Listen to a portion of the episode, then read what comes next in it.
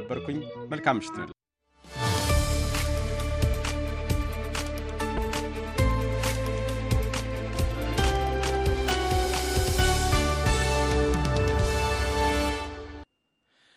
እዚ ብሓፂር ማዕበል ብ1925 ሜትር ባንድ ኣብ ቴሌቭዥን ድማ ኣብ ኢትዮሳት ብቐጥታ ዝመሓላለፍ ድምፂ ኣሜሪካ እዩ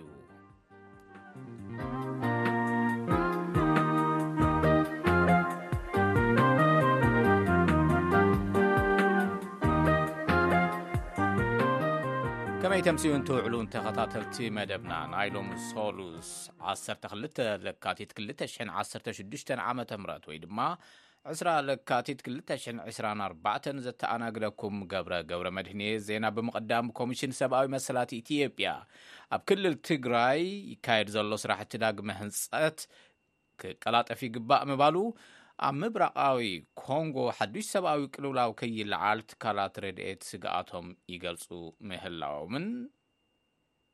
ኣብ ኬንያ ካብ ኬሚካል ነፃ ዝኾነ መትሓዚ ምግቢ ይስራሕ ምህላውን ሰለስተ ጸብጻባት ኣከታቲልና ክነቕርበልኩም ኢና።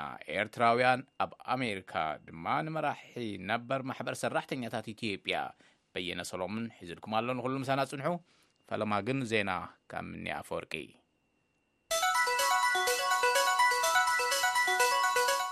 ደሓን ድምስኹም ዝርዝር ዜና እንሆ ኣብ ኢትዮጵያ ምምሕዳር ከተማ ኮረም ንክልል ትግራይ ብተግባር ወተሃደራዊ መጥቃዕትን ጨወያን ከሲሱ ናይ ምምሕዳር ከተማ ኮረም ሓላፊ ቤት ፅሕፈት ብልፅግና ኣቶ ገብረ እግዚኣብሄር ደረጀ ንቪኦኤ ብስልኪ ከም ዝበልዎ ኣብ ዝሓለፈ ሶምን ቀዳም ኣብ ከባቢታት ኮረምን ዙርያ ኮረምን ኣብ ዘለዋ ቀበሌታት ተቃፍላ ካብ ክልል ትግራይ ዝተወደበ ወተሃደራዊ ሓይሊ ዘሊቑ ኣትዩ ተኹሲ ምልውዋጥ ምንባሩ ተዛሪቦም ኣለዉ።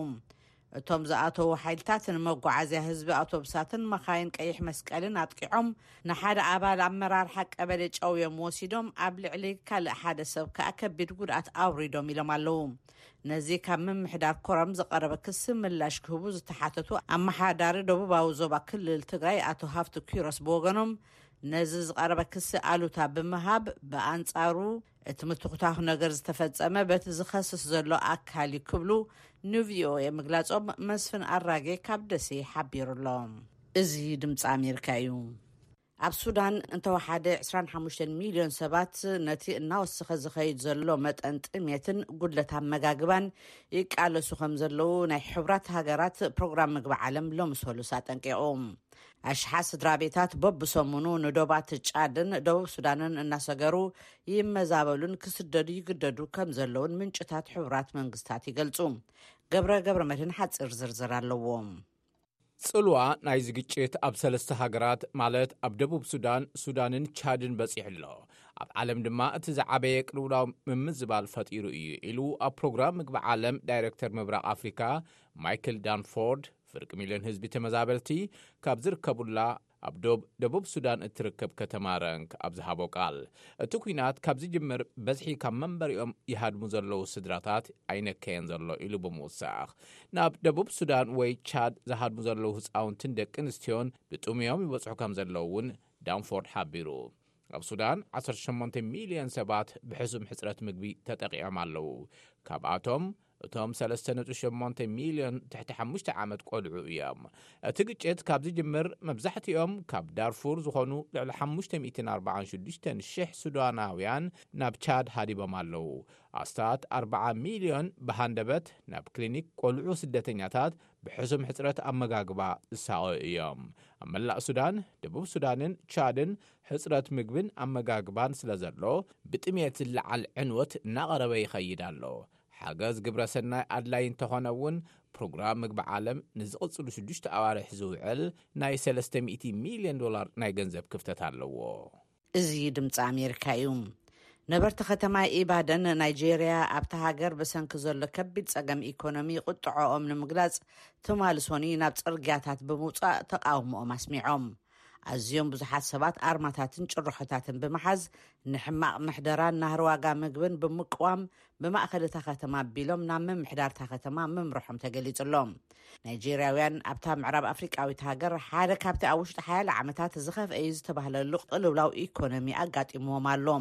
ኣብ ቀረባ ዝወጸ መንግስታዊ ኣሃዝ ከም ዘርእዮ ዝቕባበ ገንዘብ ናይጀርያ ዕስራን ትሽዓተን ነጥቢ ትሽዓተ ሚእታዊ ምብጽሑን እዚ ከኣ ካብ ሽሕን ትሽዓተ ሚእትን ተስዓን ሽዱሽተን ዓመተ ምህረት ንነጀው እቲ ዝለዓለ ምዃኑ ተገሊጹ ኣሎ። ዋጋ ባጤራ ናይጀርያ ኣብዚ ዝሓለፈ ዓመት ጥራይ ብክልተ ሚእትን ሰላሳን ሚእታዊ ነክዩ ኣሎ። ንደቡባዊት ከተማ ደቡብ ኣፍሪቃ ኬፕ ታውን ዝዓብለኸ ሕማቕ ጨና ንምፍላጡ ሰበ ስልጣን እታ ከተማ ትማሊ ሶኒ ምርመራ ጀሚሮም ምንጭ እቲ ሕማቕ ጨና 19,000 ከፍቲ ካብ ብራዚል ናብ ኢራቅ ንምብፃሕ ኣብ ወደብ ጠጠው ኢላ ካብ ዝነበረት መርከብ ምዃኑ ቅድሚ ምፍላጦም ሰበ ስልጣንታ ከተማ ምናልባት ካብ ፋኛ ቱራታት ዝለሓኸ ረሳሕ ፈሳሲ ከይህሉ ምፅራዮምን ጉጅለ ጥዕና ተኸታተልቲ ሓለዋ ከባቢ ኣዋፊሮም ምንባሮምን ተገሊጹሎ። በዓል ስልጣን ቤት ጽሕፈት ከንቲባ እታ ከተማ ዝኾኑ ዛሂድ ባድሮዲን ኣብ ኤክስ ኣብ ዘሰሩዎ መልእኽቲ ምንጪ እቲ ነታ ከተማ ዝዓብለኸ ሕማቕ ጨና እታ ነቶም ከፍቲ ዝጸዓነት መርከብ ምዃና ሓቢሮም እታ መርከብ ካብቲ ወደብ ትብገሰሉ ግዜ ኣኽኢሉ እዩ ኢሎም ኣለዉ። እታ መርከብ ነቶም ከፍቲ ጽዒና ኣብ ባሕሪ ንክልተ ሰሙንን ፈረቓን ምጽንሓ ተሓለቕቲ እንስሳታት እውን ወቒሶም ኣለዉ። ሃገራዊ ቤት ምኽሪ ተቖጻጻሪ ኣብ ልዕሊ እንስሳታት ዝፍጸም ሕሱም ኣተሓሕዛ እቶም ከፍቲ ዝተታሕዝሉ ኩነታት ዝርኢ ጉጅለ ሓኻይም እንስሳታት ናብታ መርከብ ምልኣኹ እውን ተፈሊጡ ኣሎ እዚ ድምፂ ኣሜሪካ እዩ ንርእሰ ከተማ ህንዲ ኒው ደልሂ ኣብ ዘዳዋውብ ወሰናስን ብምስፋር ኣድማ ዝገብሩ ዘለዉ ሓረስቶት ህንዲ ነቲ ብመንግስቲ ዝቐረበ ንድፊ ዕዳጋ ነጺጎም ኣድማ ክቕጽሉ ወሲኖም መንግስቲ ነቶም ሓረስቶት ንሓሙሽተ ዓመታት ዝኣክል ንዝተወሰነ ፍርያት ከም መሸላ፣ ጡጥን ዕፉንን ክገዝኣሎምን ውሕስነት ክህቦምን ተሰማሚዑ ነይሩ እዩ። ነቲ ኣድማ ዝመርሑ ዘለዉ ግን ኣብ ዝተወሰነ ፍርያት ጥራይ ዘይኮነስ ኣብ ኩሉ ዓይነታት ፍርያት ኣዝርእቲ እውን ውሕስነት ከም ዝደልዩ ይጠልቡ። ንሱ ምስ ዘይትግበር ድማ ንውሽጢ ኒው ደልሂ ክምርሹ ምዃኖም የጠንቅቑ ኣለዉ። ናብ ርእሰ ከተማ ኒው ደልሂ ዝቐንዐ ምረሻ ሓረስቶት ዝሓለፈ ሰሙን ዝጀመረ ኮይኑ ቀንዲ ካብተን ሞሶብ ህንዲ ተባሂለን ዝፍለጣ ፑንጃብን ሃርያናን ዝነቐለ እዩ። ብዘይካ ውሕስነት ዕዳጋ እቶም ሓረስቶት መንግስቲ መግዝኢ ዋጋ ዕፅፊ ክገብርን ንሓረስቶት ጥሮታ ክጅምርን ኣብ ጉዳይ ልቓሕ ምትዕርራይ ክገብርን እውን ይጠልቡ። ኣብ መወዳእታ ቤት ፍርዲ ሄይቲ ኣብ ወርሒ ሓምለ 221 ብዝተፈጸመ ቅትለት ፕረዚደንት እታ ሃገር ነበር ፕረዚደንት ጆቨኔል ሞይስ እቶም ቀንዲ ሃንደስቲ በዓልቲ ቤቱ ቀዳማይ ሚኒስተር እታ ሃገር ነበርን ሓላፊ ፖሊስ ሄይትን ነበርን እዩ ክብል ድሕሪ ዝገበሮ ምርመራ ኣፍሊጡ ኣብ እዋኑ ቀተልቲ በዓል ቤታ ነበር ኣብ ፍርዲ ክቐርቡን ክተሓዙን ደጋጊማ እትጽውዕ ዝነበረት ማርቲን ሞይስ ቀዳማይ ሚኒስተር እታ ሃገር ነበረን ብቐንዱ ብምትሕባር ቅትለት ክኽሰሱ ከለዉ ሃንዳስ እቲ ቅትለት ግን ሓላፊ ፖሊስ ዝነበረን ሕጂ ወኪል እታ ሃገር ኣብ ደንበ ሃገራት ኣሜሪካ ዘሎ ሊዮን ቻርለስ ምዃኑ እዩ እቲ ዳኛ ዝገልጽ ቻርለስ ነቲ ውፅኢት ምርመራ ፖለቲካዊ መሳርሒ ክብል ነፂግዎ ኣሎ ኣገልግሎት ዜና ሮይተርስ ነቲ ፀብፃብ ኣብ ዘዳለወሉ እዋን ካብ በዓልቲ ቤቱ ነበርን እቲ ቀዳማይ ሚኒስተርን ግብረ መልሲ ኣይረኸበን ሄይቲ ኣቐዲማ ብሓያሎ ማሕበረ ቁጠባዊ ሽግራት ክትሕመስ ምጽናሓ ዝዝከር ኮይኑ ድሕሪ ቅትለት እቲ ፕረዚደንት ግን ናብ ፍጹም ቅልውላውን ሕገ ኣልቦነትን ሰጊራ እያ። ዜና በዚ ተፈጺሙ።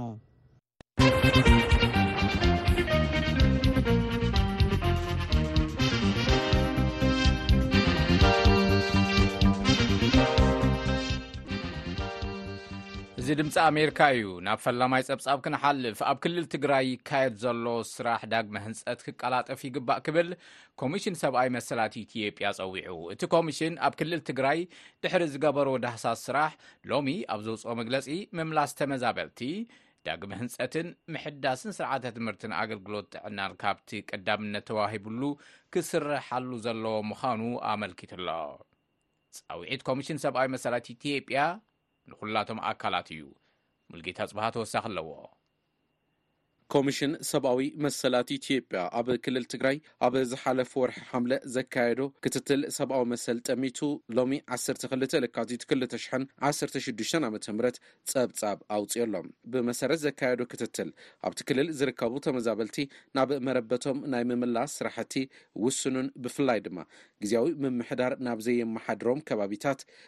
ምምላስ ከም ዘይተኽኣለ ኣፍሊጡ እዩ።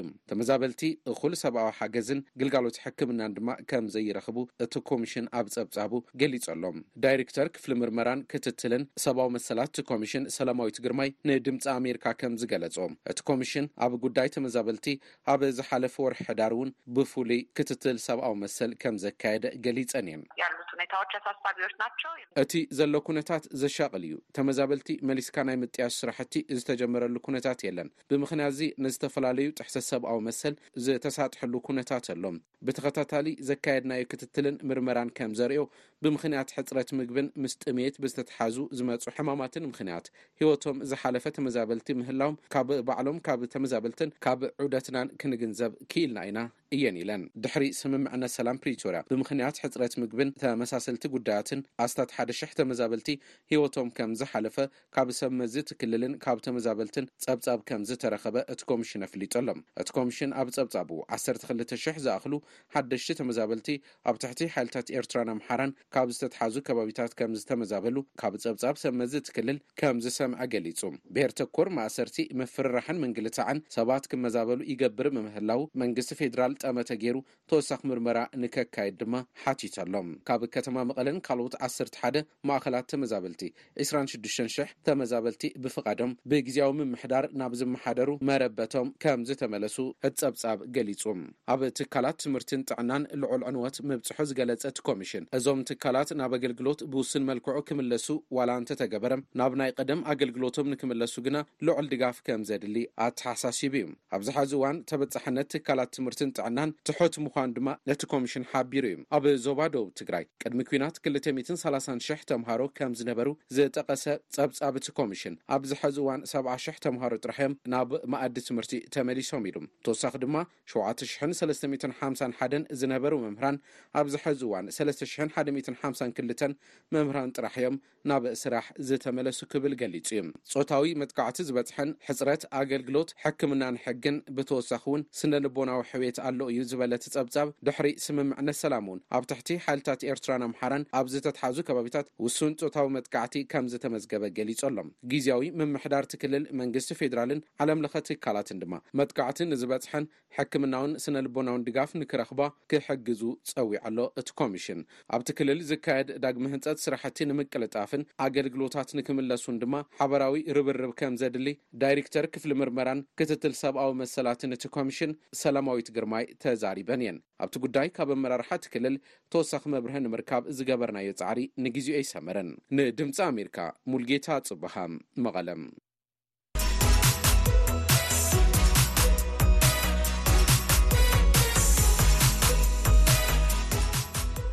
ናብቲ ኻልኣይ ጸብጻብ ክንሓልፍ ኣብ ምብራቓዊ ኮንጎ ሓዱሽ ሰብኣዊ ቅልውላው ከይለዓል ትካላት ረድኤት ይሰብኡ ኣለዉ እዚ ዝኸውን ዘሎ ኤም ዕስራን ሰለስተን ተባሂሉ ዝጽዋዕ ዕጡቕ ጉጅለ፣ ሓድሽ ገስጋስ ኣበጊሱ፣ ንሓንቲ ዓባይ ከተማ በቲኹ፣ ንሚልዮናት ኣብ ሓደጋ ስእነት ምግብን ሕክምናን ከየውድቖም ተሰጊኡ ስለ ዘሎ እዩ። ኣሶሸትድ ፕረስ ዘዳለዎ ጸብጻብ ተወልደ ወልደገብርኤል ከቕርቦ እዩ። ምብራቓዊ ኮንጎ ምስ ሩዋንዳ ዝዳወብ ኮይኑ ብማዕድን ሃብታ ምዃኑ ይፍለጥ። ንዓመታት ግጭት ዘይፍለዮ ከባቢ እዩ። ካብ መንጎቶም ነቲ ከባቢ ንምቁፅፃር ዝንቀሳቐሱ ብዙሓት ዕጡቓት ጉጅለታት ሓደ ድማ ኤም 23 ተባሂሉ ዝፍለጥ ኮይኑ ካብ ሰራዊት ኮንጎ ዝተፈንጨለ ምዃኑ ይንገረሉ እዚ ጉጅለ እዚ ለንቅነ ምስ ሰራዊት ኮንጎ ተጋጭዩ ነይሩ እዚ ዝኸውን ዘሎ ድማ ኣብቲ ቦታ ተመዲቡ ዝነበረ ዓቃቢ ሰላም ሕቡራት ሃገራት ክሳብ መወዳእታ እዚ ዓመት ክወፅእ ኣብ ዝዳለወሉ እዋን እዩ ሕጂ ኣብ መንጎ ኮንጎን ሩዋንዳን ውጥረት ክዓርግ ጀሚሩ ኣሎ ሓንቲ ነታ ሓንቲ ዕጡቓት ብምሕጋዝ ይካሰሳ ሩዋንዳ ብፍላይ ንዕጡቓት ኤም 23 ከም እትድግፎም እያ ትኽሰስ ብክኢላታት ኣሜሪካን ሕቡራት ሃገራትን ከይተረፈ እቶም ዕጡቓት ብዓልት ቱሲ ዝዕብለሉ ምዃኖም ይነገር ሩዋንዳ ብወገና ኣይደገፍኩን እያ ትብል እንተኾነ ለንቅነ ኣብ ምብራቓዊ ኮንጎ ወተሃደራትን ስርዓት ሚሳይላትን ከም ዘለዋ ብዘየወላውል መንገዲ ኣሚና ኣላ። ዝሃበቶ ምኽንያት ድማ ሰራዊት ኮንጎ ኣብ ጥቓ'ቲ ዶብ ይተኣኻኸብ ስለ ዘሎ ንጸጥታይ ስግኣት ስለ ዝሓደረኒ'ዩ ዝብል እዩ። ኣመሪካ ክትስሕብ ንዘቕረበትላ ጻውዒት እውን ነጺጋቶ ኣላ። ኣብዚ ሰሙን እዚ ሚኒስትሪ ወጻኢ ኣመሪካ ነቲ እናኸፍአ ይኸይድ ኣሎ ዝበሎ ጎንጺ ኮኒንዎ ኣሎ። ሓደ ጉጅለ ትካላት ሰብኣዊ ረድኤት እውን ኣስታት ሓደ ሚልዮን ዝኾኑ ሰባት ኣብዘን ዝሓለፋ ሰለስተ ኣዋርሕ ከም ዝተመዛበሉ ኣፍሊጦም ኣሎ ምስቲ ቅድሚ 30 ዓመታት ዝተፈጸመ ምጽናት ዘርኢ እውን ምትእስሳር ይግበር ኣሎ ሩዋንዳ ኣብ ምጽናት ዘርኢ ዝተሳተፉን ሕጂ ምስ ሰራዊት ኮንጎ ዝሰርሑ ዘለውን ብኸፊል ዓልየት ህቱ ዝኾነ ዕጡቓት ጉጅለታት ስለ ዘለዉ ካብኦም ዘለኒ ስግኣት እየ ዝከላኸል ዘለኹ በሃሊት እያ ድሕሪ'ቲ ናይ ሽሕን ትሽዓተ ሚእትን ተስዓን ኣርባዕተን ምጽናት ዘርኢ ሩዋንዳ፣ ኣማኢት ኣሽሓት ሩዋንዳውያን ዓሌት ሁቱ ናብ ኮንጎ ሃዲሞም ዕቝባ ሓቲቶም እዮም። ካብ መንጎኦም ኣብቲ ምጽናት ዘርኢ ሩዋንዳ ዝተሳተፉ ከም ዘለውዎም ክግለጽ ጸኒሑ ኣሎ። ኣብ ምብራቓዊ ኮንጎ ዘሎ ህላዌ ብዙሓት ዕጡቓት ጉጅለታት ምስ ዘይሕጋዊ ዕደና ማዕድን ምትእስሳር ከም ዘለዎ እዩ ዝፍለጥ። እቲ ከባቢ ብማዕድን ወርቅን ካልእን ሃብታም እዩ።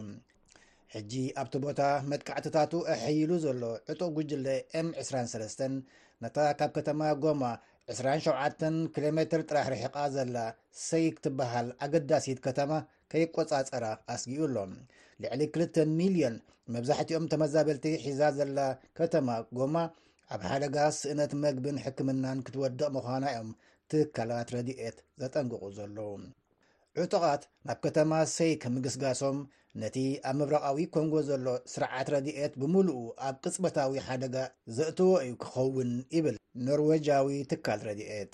ኣብዘን ዝሓለፋ ሓሙሽተ መዓልታት እኳ ሚእትን ሰላሳን ሓሙሽተን ሽሕ ሰባት ተፈናቒሎም ኣለዉ ይብል ብምስዓብ ሕቡራት ሃገራት ድሕሪ ናይ ዕስራን ሓሙሽተን ዓመታት ካብ ኮንጎ ክወጽእ ኣብ ዝዳለወሉ ዘሎ እዋን ሓደ ካብ ሃገራት ደቡባዊ ኣፍሪቃ ዝተዋጽኣ ሓይሊ ክትካእ ኣብ መስርሕ ይርከብ። እዚ ሰራዊት ንደቡብ ኣፍሪቃ፣ ማላውን ታንዛንያን ዝሓዘ ሓይሊ ኮይኑ ዕላምኡ ንሰራዊት ኮንጎ ንምድጋፍ እዩ። እዚ ድማ ምስ ሩዋንዳ ኣብ ቀጥታዊ ረጽሚ ክኣቱ ዝገብሮ እዩ። ድሮ ካብ መንጎ ኣብ ዓለም ዝኸፍአ ሰብኣዊ ቅልውላው ዘለዎ ተባሂሉ ክጥቀስ ክኢሉ ኣሎ። ኣስታት ሽዱሽተ ሚልዮን ኣቐዲሞም ዝተፈናቐሉ ኣለዉ። ብመሰረት ትካላት ሕቡራት ሃገራት ብሰንኪቲ ኣብ ወሽመጥ ቓዛን ዩክራይንን ዘሎ ኣድህቦ ዓለም ድማ እዚ ኣብ ዴሞክራቲክ ሪፓብሊክ ኮንጎ ዝረአ ዘሎ ሰብኣዊ ቅልውላው ብዘይ ምስትውዓል ክሓልፍ ይኽእል እዩ ከም ጸብጻብ ኣሶሽትድ ፕረስ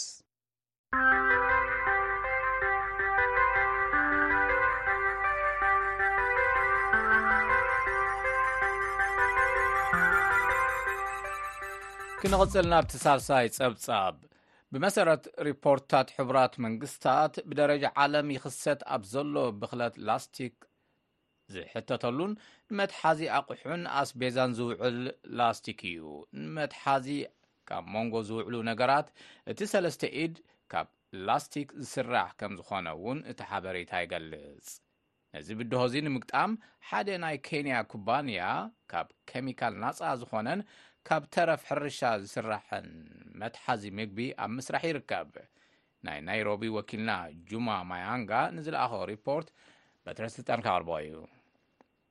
ኣብ ማእከላይ ኬንያ ጥቓ ጸግዒ ከተማ ታይካ ዝርከብ ዞባ ኢንዱስትሪ ኣኒታ ሻህ ነቲ መሐሸጊ መግብታት ካብ ተሓዳሳይ ነገራት ዝሰርሕ ፋብሪካ እናተቖጻጸረት ከላ ትረኣይ።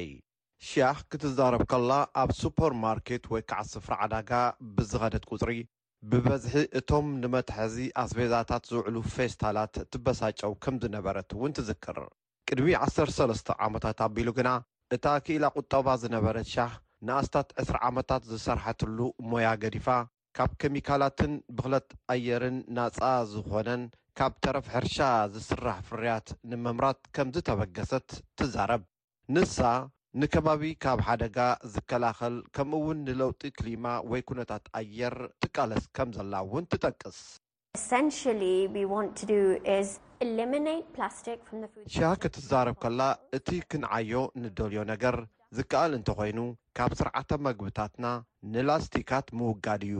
ፍርያት ላስቲክ፣ ኣብ ምፍራይ ላስቲክ ዝውዕል ነዳድን ንዕኡ ኣብ ምስራሕ ዝፍጠር ትኪ ናይ ፋብሪካታትን ብከላ ኣየርን ምውጋድ ይከኣል እዩ ትብል። እቲ ኩባንያ ንምስራሕ መትሓዚ ኣስቤዛ ኣብ ረብሓ ዘውዕሎ እትዋት እቲ ባጋሲ ዝበሃል ጉንዲ ናይ ሽኮር ኣገዳ ከምዝኾነ እውን ትዛረብ። ክኢላ ማሽነሪ እቲ ኩባንያ ዴቪድ ሙዋንጊ ብወገኑ፣ እቶም ፍርያት ካብ ብላስቲክ ዝስርሑ መትሓዚ ኣስቤዛ ዝበለጹ ከም ዝኾኑ እዩ ዝገልጽ። ዴቪድ ክዛረብ ከሎ፣ ኣብዚ እዋን እዚ ኣብ ገዛይ ማለት እዩ ላስቲካት ኣይጥቀምን እየ። መወዳእታ ናይ ላስቲካት ክትዕዘብ ከለኻ ከይዱ ከይዱ ክጓሓፍ ከሎ ንከባቢና ጽቡቕ ኣይኮነን። እቲ እንሰርሖ ዘለና ፍርያት ምስ እትርኢ ግና፣ ንኣብነት ናብ ሓደ ግራት እንተ ደርቢኻዮ፣ ድሕሪ ቁሩብ ኣዋርሕ በስቢሱ ኢኻ ትረኽቦ ይብል። ብመሰረት ሕቡራት ሃገራት ዝዝርግሖ ሪፖርት፣ ኣብ ሓደ ዓመት በዝሒ ዝስራሕ ላስቲካት መትሓዚ ኣቕሑ ኣስታት ኣርባዕተ ሚእትን ሰላሳን ሚልዮን ቶን ኮይኑ፣ ተመሊሱ ናብ ረብሓ ንክውዕል ዝግበር ወይ ከዓ ሪሳይክል ዝግበር ግና ትሽዓተ ሚእታዊ ጥራሕ እዩ ይብል እቲ ሪፖርት። ብሕልፊ ግዳይ ብኽለት ላስቲካት ኮይና ዘላ ኣፍሪቃ እያ። እቲ ግሪንስተም ተባሂሉ ዝጽዋዕ ኩባንያ ኬንያ፣ ወርሓዊ ሚእቲ ሽሕ ዘይላስቲካዊ መትሓዚ ኣቑሑት ከም ዝሰርሕ ሓቢሩ ኣሎ። ወርሓዊ ስራሕቱ ናብ ክልተ ነጥቢ ኣርባዕተ ሚልዮን ክብ ዘብል ሓድሽ ማሽን ከም ዝገጥም'ውን ጠቒሱ እዩ። ብደረጃ ዓለም ካብ ሞንጎ ዝፈሪ ላስቲካት እቲ ሰላሳን ሽዱሽተን ሚእታዊ ንመትሓዚ ኣቑሑ ወይ ከዓ ኣስቤዛ ዝውዕል እዩ።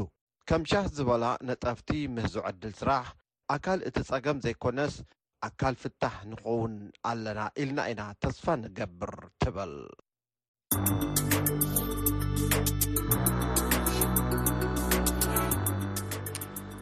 እዚ ካብዚ ካብ ዋሽንግተን ዲሲ ዝመሓላለፍ ዘሎ ሬድዮ ድምፂ ኣሜሪካ እዩ ናብ መደብ ኤርትራውያን ኣብ ኣሜሪካ ክንሓልፍ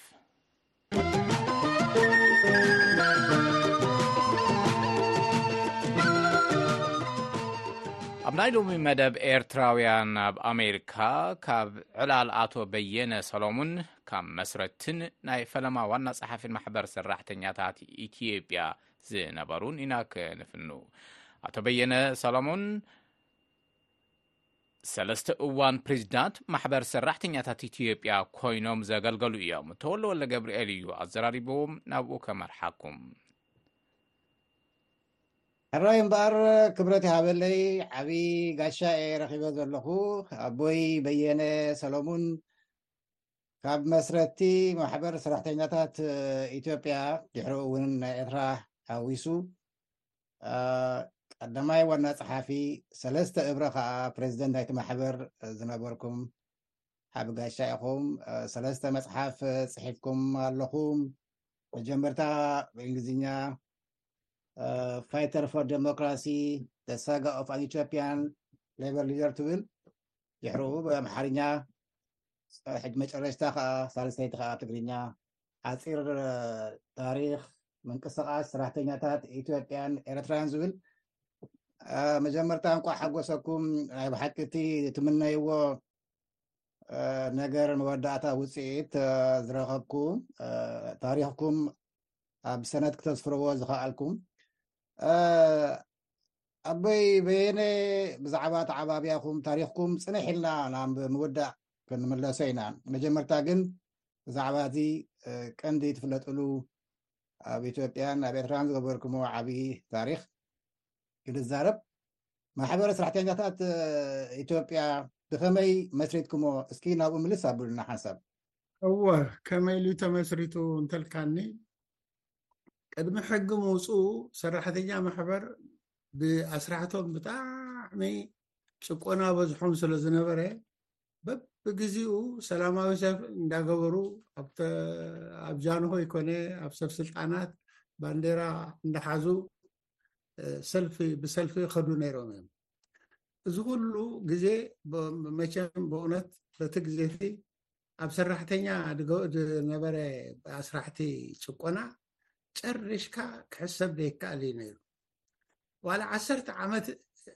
እስራሕ ደድልዮም ክኸውን ከሎ ምውፃእ ጥራይ እዩ በቃ ውፃእ እንድሕር ኢሎሞ ምንም መብት ይነበሮም ጥይቆ ነገር ሕጊ ስለ ዘይነበረ ጥይቁ ነገር ኣይነበ በዚ ደኣክል እቲ መጀመርያ ክሕስበና ድከኣለ ቁሩብ እዚ ናይ መንግስቱ ነዋይ ዕልዋ ንመንግስቲ እተገብረ ሙከራ ምስ ፈሸለ እቲ ናይ መንግስቲ መስሪያ ቤት ቁሩብ እንቅስቃሴ ተገይሩ እዩ ንምሕያሽ ማለት እዩ በዚ ደኣክል እተማህሩ ሰባት ነቲ ናይ ሰራሕተኛ ማሕበር ምቁቋም ድመክሩና ሰባት ነይሮም ሕጊ ከይወፀስ ኣይተርፍን እዩ ዝበሃል በቲ ሓድሽ ምንቅስቃስ ተገብረ በዚ ድኣክል ንሕና እውን ተስፋ ገርና ብሚስጥር እናተሰብሰብና ንሰርሕ ነርና ማለት እዩ እዚ ከዓ ብድሕሪኡ እቲ ሕጊ ድራፍቲ ኮይኑ ሚኒስትሮች ምክር ቤት ማህበራዊ ጉዳይ ሚኒስትር ኣቶ ጌታውን ተሰማ ዝበሃሉ እቲ ጉዳዩ ባዕሎም ሕዞም ካብ ጀኔቫ ናይ ሕጊ ሰብ ናይ ኣለም ስራ ድርጅት ሕጊ ሰብ ከም ንመፅእ ገይሮም ምስ ኢትዮጵያውያን ናይ ሕጊ ሰባት ኮይኖም ነቲ ረቂቕ ናይ ኣሰሪን ሰራተኛ ማሕበር ምቁቋም ንኽእል ሕጊ ድራፍት ምስ ኣቕረብሎም እሶም ከዓ ንሚኒስትሮች ምክር ቤት ኣቕሪቦም ንፓርላማ ኣቕሪቦም እፀድቕ ማለት እዩ እዚ ፀደቐ ጳጉሜ ሰለስተ መዓልቲ ሽሕን ትሽዓተ ሚእትን ሓሙሳን ኣርባዕተን ዝጸደቐ ብእውነት ዓብዪ ተስፋ ዓብዪ ሓጎስ ንሰራሕተኛ ማሕበር ኮይኑሎም ማለት እዩ በዚ ኣቐዲምና ምስ ኩሉ ማሕበራ እተፈላለዩ ፋብሪካታትን ስራሕ ድርጅት ንራኸብ ስለ ዝነበርና ብሓፂሩ ብሓፂር ግዜ ሰራሕተኛ ማሕበር ኣቋቂምና ኣብ ኣዲስ ኣበባ ደሎ ኮነ ኣብ ድሬዳዋ ኮይንና ነቲ ነናይ ርእሶም እቶም ፋብሪካታት መራሕቶም መሪፆም እንደገና ነቲ ሕጊ መተዳደርያ ደንቦም ናይ ውሽጦም ሕግኒ ናይ ውሽጢ ደንብን ኣተሓሒዞም ናይ ሰራሕተኛ ሊስት ከዓ ኣሽማቶም ብምሉኣቶም ንማሕበራ ጉዳይ ሚኒስተር ህቡ እዚ ከዓ እቲ መንግስቲ ከዓ ብሕጊ ምስ ፈለጠ ብረድዮን ብጋዜጣን ወፅእ ማለት እዩ በዚ ደኣክል ወደ ሓደ ኣርባዓ ማሕበራት ብሕጊ ስለተፈልጣ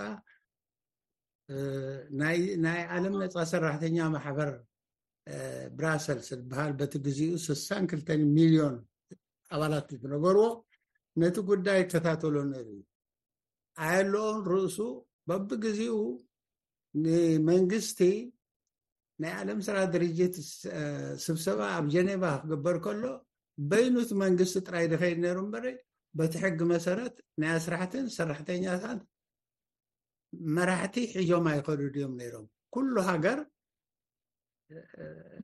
ናይ ኣስራሕትን ሰራሕተኛ ማሕበር እንታይ ካ ትብሎ ኣብቲ ጉባኤ ምስተተፍ ኣሎ ድሓር ካብኡ ንኒኦም ኣብኡ ምስ ከዱ ነፃ እዮም ማለት እዩ መንግስቲ ይዘዙ ብካልእ ኣይዘዙ ስለዚ እቲ ሕጊ ከምዚ ስለ ዝነበረ ናይ ዓለም ነፃ ሰራሕተኛ ማሕበር ዋና መስሪያ ቤቱ ብራሰልስ ዝነበረ ክልተ ኤክስፐርት ተምፅእ ክልተ ኤክስፐርት መፂኦም ሰሚናር ኣብ ዩኒቨርሲቲ ኮሌጅ ከም ዝግበር ይገብሩ እሞ በቲ ግዜ እቲ ናይ ዩኒቨርሲቲ ኮሌጅ ኣስተምሃሪ ዝነበሩ ኣቶ ዶክተር ስዩም ገብረ እግዚኣብሄር ዝበሃሉ ምስኦም ኮይኖም እቲ ሰሚናር ክመርሕዎ በቲ ናይ ዩኒቨርሲቲ ፕሬዚዳንት ስለተወከሉ እቶም ሰራሕተኛ ማሕበራት ብምሉኣትና ከዓ ንሕና በቃ ኣብ ሓደ ሆቴል ኩሉ ምግብና ኮነ ኩሉ ነገር ወጪ ዝኽእሎ ናይ ዓለም ነፃ ሰራሕተኛ ማዕድ ስለ ዝነበረ ኣብ ሓምለ 16 ዝበሃል ሆቴል ኣቲና ስራሕ ይጅመር ማለት እዩ እቲ ሰሚናር ኣብ ዩኒቨርሲቲ ኮሌጅ እዩ ነይሩ በቃ ዓሰርተ ሓሙሽተ መዓልቲ ዝገበረ ሰሚናር ብስራሕትን ናይ ስራሕትን ሰራሕተኛ ማሕበር ሕጊ ብዝመልከት እዩ እቲ ሰሚናር ዝግበር ነይሩ ኣብዚ ምስ ወዳእና ኣብ መጨረሻ ናይ ናይ ሰሚናሩ ኣቶ ጌታሁን ተሰማ እቶም ሚኒስተር መሪቆሞ ሰርቲፊኬት ንኩላና ንበይንና ሂቦምና ማለት እዩ ካብኡ ንፅብሒቱ ናይ ኢትዮጵያ ሰራሕተኛ ምሃር ኮንፌዴሬሽን ኣብቲ ምርጫ ጌርና ኣብቲ ሰሚናር መጨረሻ ምርጫ ተገይሩ ናይ ኢትዮጵያ ሰራሕተኛ ማሕበር መራሕቲ ምርጫ ተገይሩ ማለት እዩ ኣብኡ ሽዑ ኣነ ዋና ፀሓፊ ኮይነ ተመሪጨ ማለት እዩ ኣብኡ ስራሕና ጀሚርና በዚ እምበኣር መደባትና ወዲእና ኣለና ፅባሕ ክሳብ ንራኸብ ድሓን ሕደሩ ሰላም ለይቲ